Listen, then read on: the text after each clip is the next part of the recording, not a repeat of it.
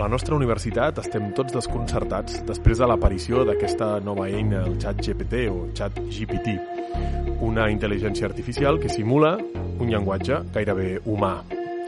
Ja en vam parlar en el nostre últim episodi del podcast en què parlàvem una mica en general sobre la tecnologia, però avui hem volgut dedicar una sessió exclusiva a aquesta intel·ligència artificial perquè les últimes setmanes no han deixat de sortir articles. Fins i tot nosaltres hem hagut d'organitzar una tertúlia d'urgència. I per això avui ens acompanya la doctora Cristina Montanyola, companya d'aquí de la Universitat de l'IQS, enginyera informàtica i professora del Departament de Mètodes Quantitatius, amb publicacions sobre intel·ligència artificial aplicada al món social. Benvinguts de nou al podcast Indefugibles de la Càtedra d'Ètica de l'IQS.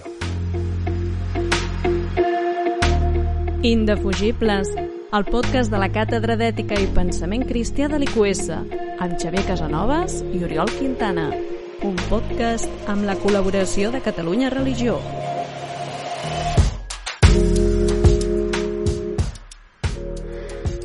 Molt bé, doncs estem aquí de nou amb l'Oriol Quintana, la Cristina Montanyola. Benvinguda, Cristina. Gràcies. I, i res, l'objectiu de aquest episodi del nostre podcast és a veure si entenem una miqueta més bé això del xat GPT, de què va, eh, a veure si entenem una miqueta millor de què va això de la intel·ligència artificial i també doncs, quins són els seus límits, les seves possibilitats i els debats que està, que està obrint, que no són pocs. No? Per tant, il·lumina'ns una miqueta, Cristina. O sigui, què, és, què és el xat GPT i què és això d'una intel·ligència artificial eh, d'aquestes de programació lingüística, o no sé com es diu això, el model, aquests models eh, lingüístics? Uh, bueno, el ChatGPT és un, és un chatbot, vale? no és una cosa nova que s'hagi inventat. De fet, eh, ara ha tingut molta rellevància perquè estem en un moment on eh, s'ha assolit una, unes capacitats a nivell informàtic eh, que, que permeten que aquest tipus d'eines estiguin cada vegada més utilitzades per tothom. I, i a més, els, els models i els algoritmes han evolucionat de forma que cada vegada estem davant de eh, una riquesa d'imitació de, de, del nostre llenguatge natural. I aleshores uh -huh. el ChatGPT és, és un chatbot creat per una associació, bueno, fundació, inicialment, que es diu OpenAI, però que és més ara empresa, i, i el, que, el que permet és acostar la intel·ligència artificial via eh, chat a, a tothom, no? Eh, però s'ha fet especialment eh, famosa perquè ha assolit un, una, un nombre d'usuaris rècord eh, en la nostra història no? i per això se li diu que és bastant disruptiva per la, perquè ha, ara està amb 100 milions d'usuaris en dos mesos que, has, que ha trigat i a més perquè eh, la qualitat de la conversa que pots tenir amb aquest tipus de, de, de chat chatbot és, és eh, d'una qualitat molt, molt alta. Clar, això és d'alguna manera el que més ha sorprès, no? la sensació de, de que jo estic aquí interactuant amb una màquina i tinc la sensació gairebé de que el que hi ha a l'altra banda és com si fos una persona. Com s'aconsegueix això des d'un punt de vista informàtic? És a dir, quin tipus d'algoritmes hi ha darrere, quin tipus de programari hi ha darrere d'això? Eh, so, és, el, uh, aquest tipus de chatbots són xarxes neuronals, bàsicament. ChatGPT és una d'aquestes. Vale? I aleshores les xarxes neuronals són algoritmes que són de programació matemàtica, bàsicament, on, que serien com una caixa negra, no? que tenim unes entrades i unes sortides. Aleshores, és molt rellevant eh, per, per la precisió de, de la resposta que pot donar el ChatGPT quines són les entrades, no? i és la base de dades que alimenta aquest tipus de sistema. Llavors, no és tant com entrades entre algú, surt algú, sinó que és una xarxa que es va entrenant a, a base de moltíssimes dades, i estem parlant aquí de terabytes, petabytes de, de dades. Realment. Per entendre-ho, jo l'altre dia posava, jo m'ho explico així a mi mateix, diguéssim, no? La idea de, per exemple, tu a aquest xat li dones una frase inacabada, aleshores ell contrasta o ha contrastat històricament amb tots els no sé, milions de dades o de textos literaris en els que no, ell ha treballat i llavors atacava aquesta frase entenent eh, el context d'alguna manera o llegint el context de l'inici de la frase i te l'acaba d'alguna manera que seria versemblant. No? El que passa, jo l'altre dia posava aquest exemple també, no? el fet de, bueno, pues, no sé, la frase, per exemple, ara no, la mare entra i li dona al nen una, Clar, pot ser una bufetada o pot ser que li dona una xutxa, una galeta o podria ser qualsevol altra cosa, diguéssim. Com decideix aquest xat o com decideix aquesta xarxa neuronal? Quina és la resposta que et dona? Bueno, el que fa és associar una sèrie de probabilitats al, al que més obté de la seva base de dades i aleshores en funció d'aquestes probabilitats decideix. De tota manera la seva resposta no és única, no sempre té per què ser la mateixa, ¿vale? sinó que juga amb un espai de probabilitats i en funció d'això decideix si la resposta ha de ser la galeta o la bufetada. Clar. Però per tant aquest xat no emmagatzema totes aquestes dades. És a dir, ha sigut entrenat amb aquestes dades, però ell no va a buscar, diguéssim, la informació en una, en una font concreta. Ho dic perquè un dels elements que ha sortit de debat més gran és el, el que ell no sap citar-te la font de la informació que troba, no? Com sí, funciona això? no ho fa per defecte, però si li demanes sí que, te, sí que pot arribar a citar, eh? O sigui, això ho pots uh -huh. provar i et fa, et fa la cita. I, de fet, Bing, que ara ha adoptat eh, el xat GPT en el seu cercador, en el, eh, de fet, eh, Bing l'avantatge que té és que directament cita Va. les fonts. Vale?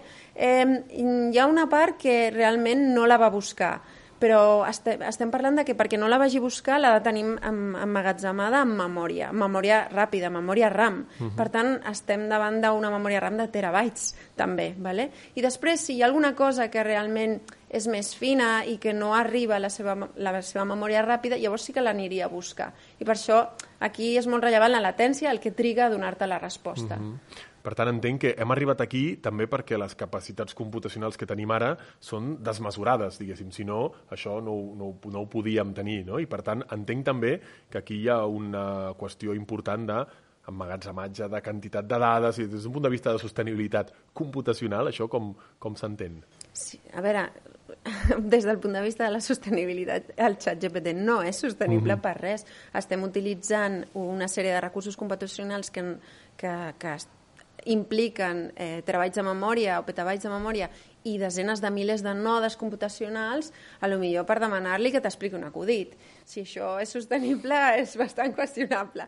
Ara, si fa una feina que ajuda al coneixement humà, com per exemple poder-te millorar un text que després has de disseminar o corregir-te algun escrit, o, doncs llavors potser aquí podríem justificar més, no? Però tenint en compte que els objectius de l'Agenda 2030, un d'ells molt important és la sostenibilitat, doncs així és bastant qüestionable. Eh, sí, justament és el que jo volia aquí terciar, perquè jo el que qüestiono és la seva utilitat o la seva finalitat. Eh, jo em pregunto, per què s'ha creat això? No? O sigui, no, no està clar, a mi em dóna la sensació que s'ha creat perquè per crear-ho, simplement perquè ho podríem fer, no? I això, èticament, sempre és molt dubtós, diríem, és més aviat incorrecte, no? És una forma d'irresponsabilitat. Però és que a sobre, ara la Cristina comentava, això et permet millorar els teus textos, però la meva pregunta és, millora les teves capacitats com a escriptor o més aviat les disminueix? Bueno, aquí entraríem, jo l'altre dia vaig llegir i em va agradar bastant, crec que estem entrant ja en la fase de diàleg, tot i que després potser la Cristina encara ens pot il·luminar una miqueta més sobre, sobre el seu funcionament. No? L'altre dia llegia el meu admirat filòsof Josep Cobo i deia exactament això. Deia, clar, la màquina va arribar per substituir la força humana i diguéssim, i des de que tenim la màquina i no ens cal a nosaltres fer força, eh, pues, evidentment la musculatura només l'exercitem per estar més guapos, però no perquè necessitem la força humana realment, no? És a dir, la nostra capacitat muscular i la nostra força ha disminuït des de que tenim les màquines per substituir-nos, no?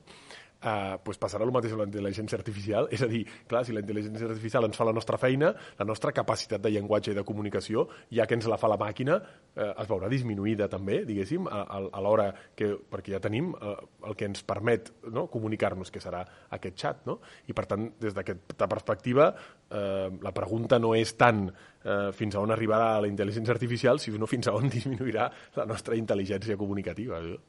Però sí. tot depèn de com utilitzis la tecnologia, no? Perquè si, si l'estàs utilitzant amb, amb el propòsit d'aprendre a millorar els teus textos, la teva, comunitat, la teva capacitat comunicativa, eh, llavors és una, és una eina positiva en aquest sentit. Ara, si el que vols és anar ràpid i fer la feina, perquè has d'entregar no sé què, llavors potser aquí perdem capacitat, no? Però a mi em sembla que és una eina que, que si la tenim eh, des del punt de vista com investigadors que som, si està, la podem utilitzar al nostre servei en el sentit de que la comunitat científica és purament anglosaxona i nosaltres venim d'un llenguatge que no és anglosaxó. Llavors, això ens pot ajudar a millorar les nostres capacitats comunicatives no? a nivell eh, científic. Jo, per si em permets, eh, discreparia, perquè el que fa aquest ordinador és que no hagis d'aprendre anglès també com si no hi existís, no? Vull dir, perquè ja te, et pot millorar el teu estil i completar l'expressió.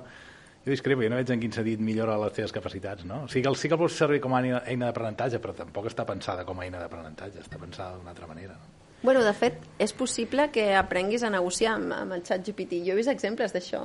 Gent que planteja un escenari que vull aprendre a negociar i planteja algunes situacions per veure i donen feedback de com ho estic fent. O sigui, és que depèn de com l'utilitzis, una mica. I els nostres alumnes com l'han d'utilitzar, aleshores?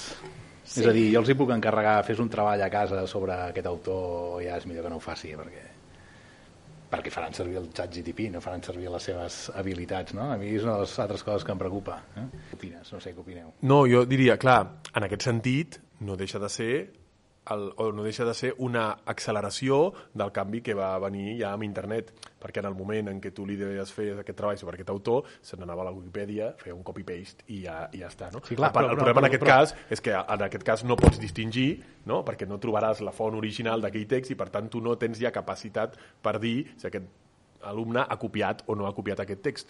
Però jo crec que des del punt de vista de la informació que el ChatGPT ens pot facilitar, diguéssim, de l'accés ràpid a informació, eh, no deixa de ser el que ja teníem amb internet accelerat, diguéssim, no? perquè a més a més t'ho configura en el llenguatge humà i l'alumne ja no ha ni de perdre el temps d'agafar aquell text de la Wikipedia i que sembli més o menys que és un treball o que té el gènere literari, diguéssim, d'un Ja, però treball. que No? el que descrius és com fer trampes en un examen o com fer trampes en un treball, no? Eh, D'alguna manera la Wikipedia t'ho permetia o el Google t'ho permetia, encara que comportava cert treball a processar la informació, no?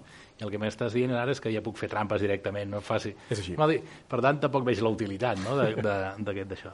Jo, de fet, als meus alumnes, quan els hi poso algun treball, o quan els hi posava treballs abans, ara ja només podrem fer exàmens presencials eh, amb la meva supervisió directa, eh, amb ells escrivint manualment amb un boli, en un paper quadriculat. Eh?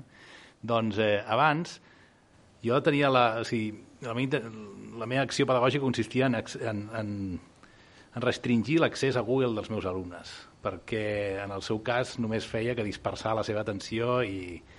És a dir, els hi poso un treball sobre l'autor en el que és, eh, soc especialista, George Orwell, i aleshores ells em contestaven amb art citant articles meus com dient, home, si, els ha, si els ha, això ho ha escrit el Quintana segur que està bé, no? Però clar, no és això, no es tracta de que em posis la resposta que jo vaig dir a no sé quin article especialitzat, sinó que tu limitis, un cert accés, et limitis a una informació que t'he donat a les classes i a partir d'ella la treballis, l'estudis, aquesta paraula ja oblidada, no?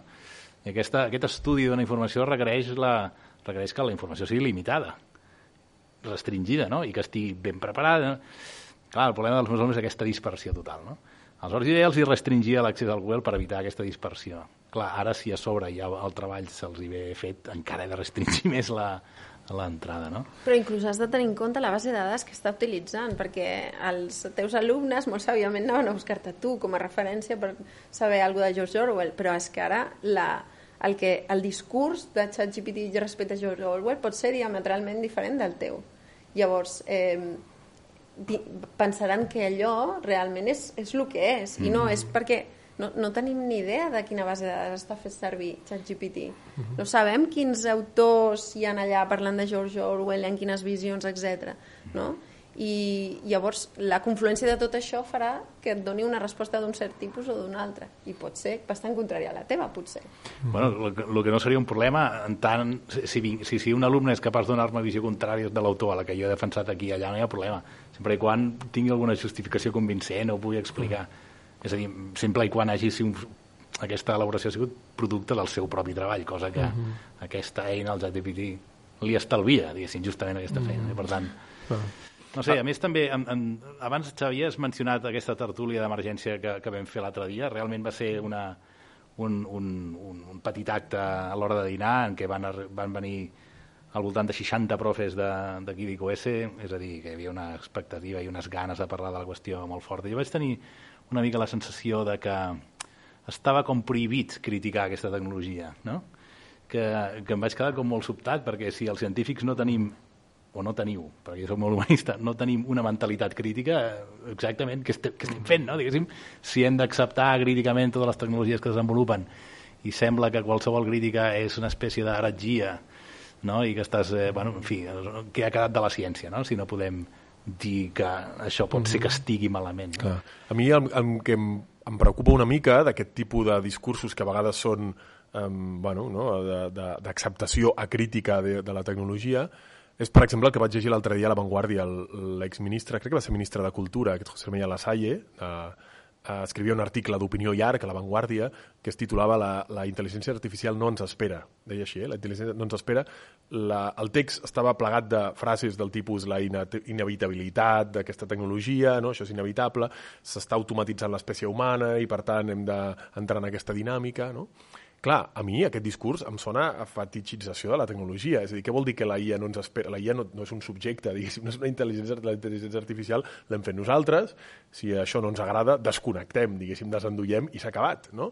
Però clar, que no ens esperi i que sigui inevitable és el terratrèmol de Turquia l'altre dia, diguéssim, això és inevitable, no? Eh, però la intel·ligència artificial és tot lo evitable que nosaltres vulguem, no? De quina manera aquest llenguatge, jo diria com a crític, com si la tecnologia tingués una vida pròpia, eh, que s'ha escapat ja del nostre control i a la que nosaltres ens hem de sotmetre i adaptar. A mi això em preocupa una mica perquè crec que contribueix a aquesta alienació general que produeix la tecnologia. Llavors, amb això no estic dient que tota tecnologia sigui dolenta, no? ni estic dient que aquesta tecnologia potser sí que ens pot ajudar a fer moltes coses i amb altres potser no ens ajudarà. Però en qualsevol cas no podem rebre o no podem parlar de tecnologia en aquests termes perquè ens estem equivocant, ens estem negant la llibertat com a subjecte humà.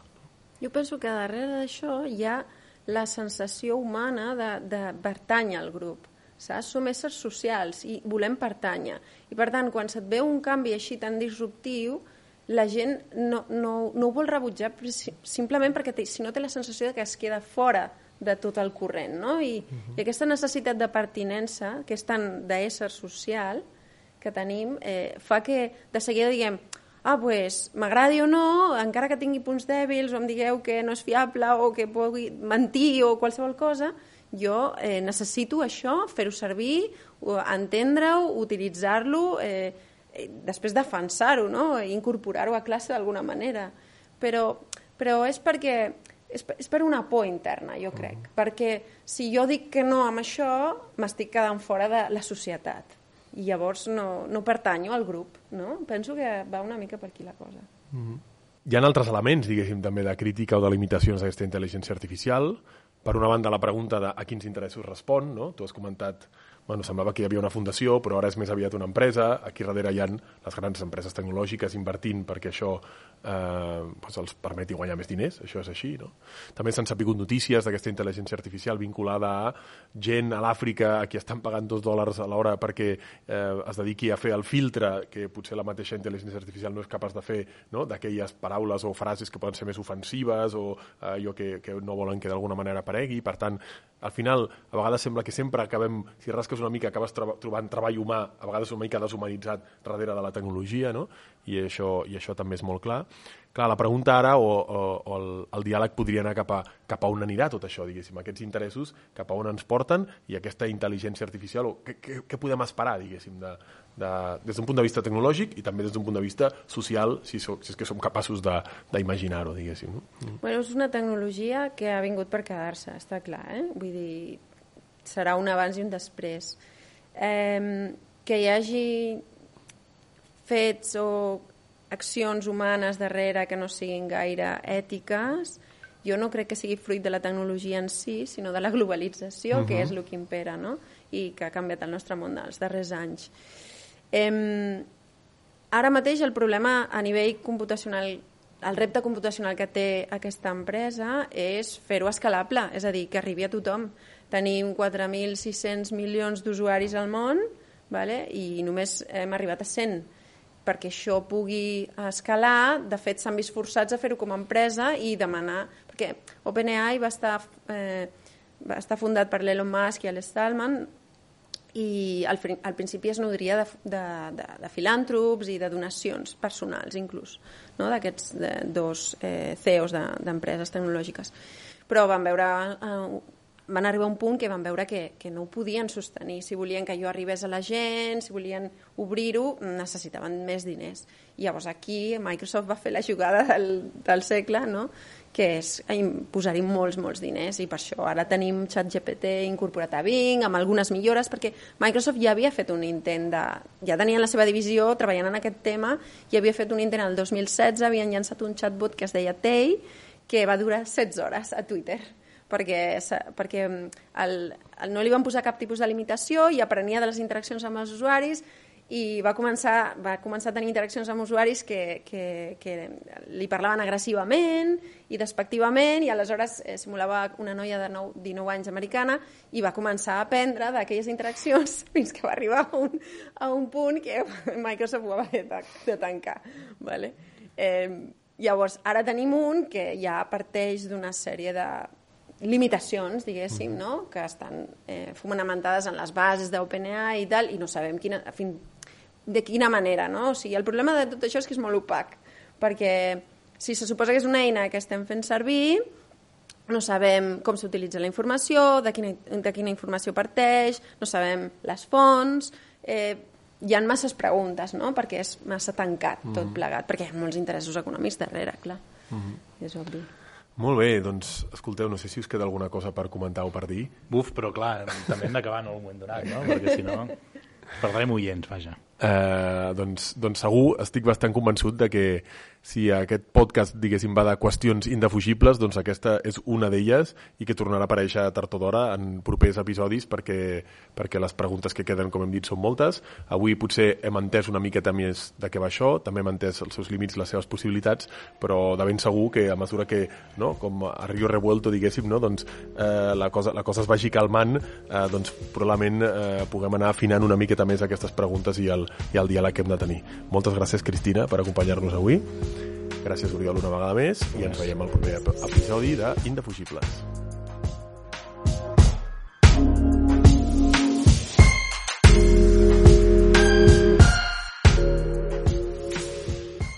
Catalunya Religió